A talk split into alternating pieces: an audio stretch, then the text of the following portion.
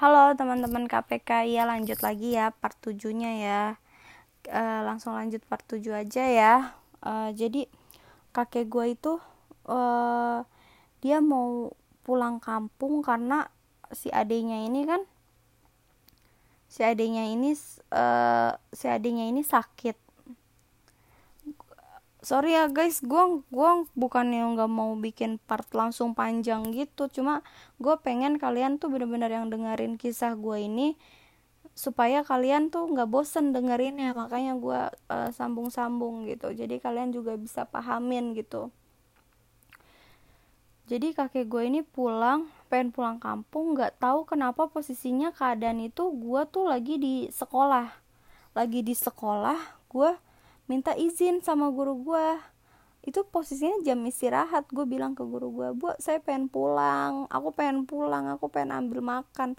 Padahal gue pengen lihat gue pengen di, pengen ngeliat bisa dibilang itu kali terakhir gue ketemu kakek gue terus kakek gue nanya kenapa Jihan pulang? Gitu. Enggak kayak aku aku mau ngambil makan gue bilang gitu. Padahal gue pengen rasanya kayak kayak pengen deh temenin kakek gitu sampai uh, terminal gitu. Apa gue nggak tahu waktu itu dia naik pesawat atau apa gitu. Pengen deh. Terus kakek gue bilang gini Jihan gak usah uh, nakal ya di sini ya sama tantenya gitu-gitu. Dia bilang kayak gitu. Akhirnya uh, gue dua minggu kemudian tuh kakek gue masih kakek gue masih di Padang. Gue dia nelpon ke tante gue gue tanya kayak kenapa nggak pulang? Gue bilang nggak kakek nggak bakalan pulang gitu. Kata kakek gue kayak gitu. Terus uh, ya jangan dong nggak pulang dong pulang aja kata gue kayak gitu kan. Terus kata dia pulang juga ngapain? gitu di Jakarta kata kakek gue kayak gitu. Eh nggak lama setelah dapet gue abis nelpon itu dapat kabar kalau kakek gue meninggal.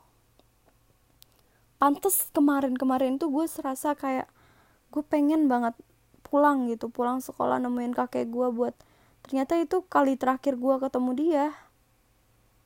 Akhirnya udah gitu tante-tante gue pada terbang ke Padang semua pada ke Padang. Gue di sini yang sedih karena kakek gue udah nggak ada. Gue kabarin semua keluarga gue kalau kakek gue meninggal terutama nyokap gue gue kabarin gue bilang bu kakek meninggal bla bla bla bla bla.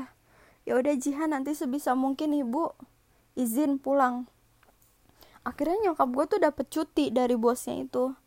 Dapet cuti dari bosnya. Entah itu pas 40 hari apa 100 hari gue juga lupa waktu itu. Gue nungguin di ujung gang. Gue kok nyokap gue nggak pulang-pulang ya? Gimana ya gue di situ cuma sendiri keadaannya. Nyokap gue nggak bener-bener nggak pulang. Keadaannya juga uh, apa namanya lagi tahlilan kan. Gue cuma bisa positif thinking ah mungkin nyokap gue masih dalam perjalanan apa macet apa gimana? Akhirnya tibalah nyokap gue rasanya gue pengen ceritain apa yang gue rasa rasanya gue pengen ceritain kalau gue itu di situ disiksa gue nggak dapat perlakuan layak gue dibabuin gue dibudakin. Akhirnya itu nggak bisa gue nggak bisa gue ucapin karena posisinya lagi keadaan duka berduka keluarga gue nyokap gue juga nggak bisa lama di Indonesia nyokap gue cuma Jihar yang kuat ya sabar ya nak. Ibu masih setahun setengah lagi di Malaysia pokoknya Jihan sabar. Nyokap gue cuma bilang kayak gitu. Gue ikhlasin kesempatan gue gue nggak bisa ngomong apa-apa sama nyokap gue akhirnya setelah nyokap gue pulang enggak gue mau cerita itu apa namanya? Pas ada nyokap gue itu perlakuan tante gue itu benar-benar beda. Gue tuh kayak dibebasin dari pekerjaan-pekerjaan rumah.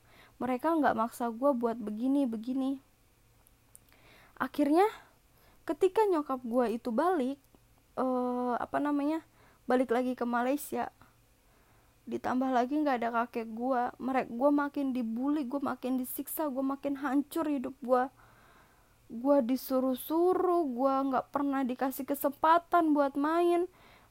Tante gue enak-enakan di rumah sementara gue harus jagain toko dia. Kalau gue nggak jagain toko dia gue nggak dapet uang nggak dapet ongkos buat besok toko dia itu pernah nggak pelaris gue dimaki-maki karena tokonya nggak laku. Gak ada yang beli malam itu. Dibilang gue kerjaannya main HP mulu lah jagain toko lah apa. Sementara itu itu kan bukan tugas gue harusnya tugas gue itu belajar. Tugas gue itu harusnya belajar. Udah gitu akhirnya tante gue tuh ceritanya hamil. Hamil terus keguguran keguguran itu pun dia nyalahin gue katanya gara-gara gue tinggal di situ nggak tahu diri akhirnya dia keguguran apa segala macem gue langsung mikir ya allah kenapa sih gue terus apa apa tuh gue gue terus Nah, salah satu tante gue itu juga ada yang dia hamil, dia melahirkan bayinya prematur. Saat itu tuh bayinya tuh keluar masuk rumah sakit.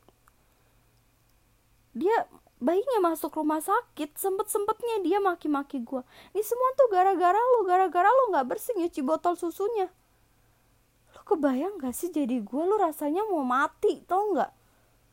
Semua yang terjadi itu gara-gara gue di rumah itu semua musibah yang terjadi gue tuh benar-benar gue udah pernah yang namanya beli silet gue pengen bunuh diri tau nggak di keadaan kayak gitu gue selalu bersumpah yang jahat-jahat buat tante gue itu. Saat itu apa yang gue rasain cuma bisa gue tulis di dalam buku diary terus ditambah lagi gini.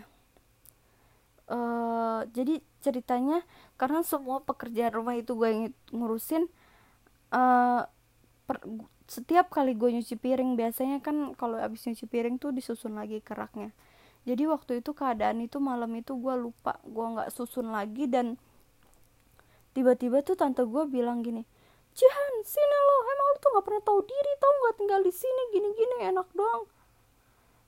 Apa sih kenapa teh? gue bilang kayak gitu. Ini lo lihat kerjaan lu tuh nggak beres dibilang kayak gitu. Sekarang lu pilih lu mau sekarang lu pilih lu mau tinggal di sini lu mau pergi atau gue yang pergi lu bayangin anak kelas 4 SD dikasih pilihan kayak begitu. Coba di mana? Di mana perasaan lu? Coba kalau lu jadi tante gue melakukan kayak gitu ke anak yang istilahnya nggak ada orang tua nggak ada ayah. Tante itu sama dengan orang tua loh. Tapi dia malah memperlakukan lo kayak gitu. Lo kalau jadi gue lo lo apa yang lo lakuin gue udah sempet mau coba bunuh diri. Gue pernah beli silet gue di kamar mandi bener-bener. Gue mikir ya allah gue mau mau nyilet tangan gue nggak? Nyilet nggak? Nyilet nggak? Bener-bener hidup mati gue gue pertaruhin di situ. Jam satu malam gue dikasih pilihan mau gue yang pergi apa tante gue yang pergi. Dia megang gelas gelas itu dihantem ke kepala gue gue dipojokin ke tembok. Jadi gue udah kejedot kena tembok dihantem lagi gelas gue cuma berusaha kompres kepala gue setelah dia nggak marah-marah gue kompres kepala gue sendiri pakai air panas. Gue berdoa sama Tuhan gue nangis. Ya Allah kenapa sih hidup gue kayak gini? Kenapa sih semua harus gue lewatin gitu? Kenapa ini harus gue terima? Gue belum usia gue tuh harusnya gue sekarang lagi seneng seneng lagi main bukan dapat perlakuan kayak begini akhirnya nyokap gue setelah 2 tahun pun berlalu nyokap gue pulang. Tapi setelah nyokap gue pulang semua seolah-olah baik-baik aja. Gue nggak dituntut masalah pekerjaan nggak dituntut uh, sama cucian-cucian piring apalah semua gue nggak dituntut. Gue nggak harus buka toko dia. Pokok tapi yang ada malah mereka memutarbalikan fakta mereka bilang ke nyokap gue kalau selama gue ditinggal gue itu bandel. Gue main gue gimana gimana. Dan yang lebih nggak gue terimanya lagi di situ tante-tante gue menghasut nyokap gue dia bilang omongan anak jangan selalu didengar.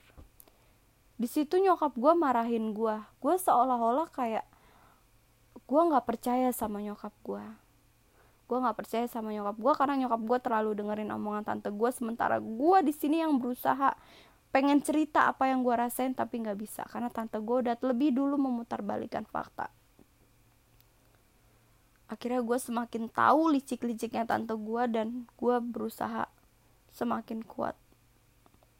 Gue jadi selama nyokap gue pulang itu cuti gue nggak bener-bener nggak ngobrol. Gue gue dengerin gue dimarahin nyokap gue gue percuma gitu. Gue omongin apa yang gue rasa nyokap gue juga nggak bakal dengerin gue karena udah juga udah didokrin. Karena nyokap gue tahu diri karena gue numpang di situ. Ya begitulah kira-kira nanti kelanjutannya di part selanjutnya aja ya guys. Uh, semoga kalian bisa mengambil hikmah dari perjalanan gue ini. Sampai ketemu di part selanjutnya. See you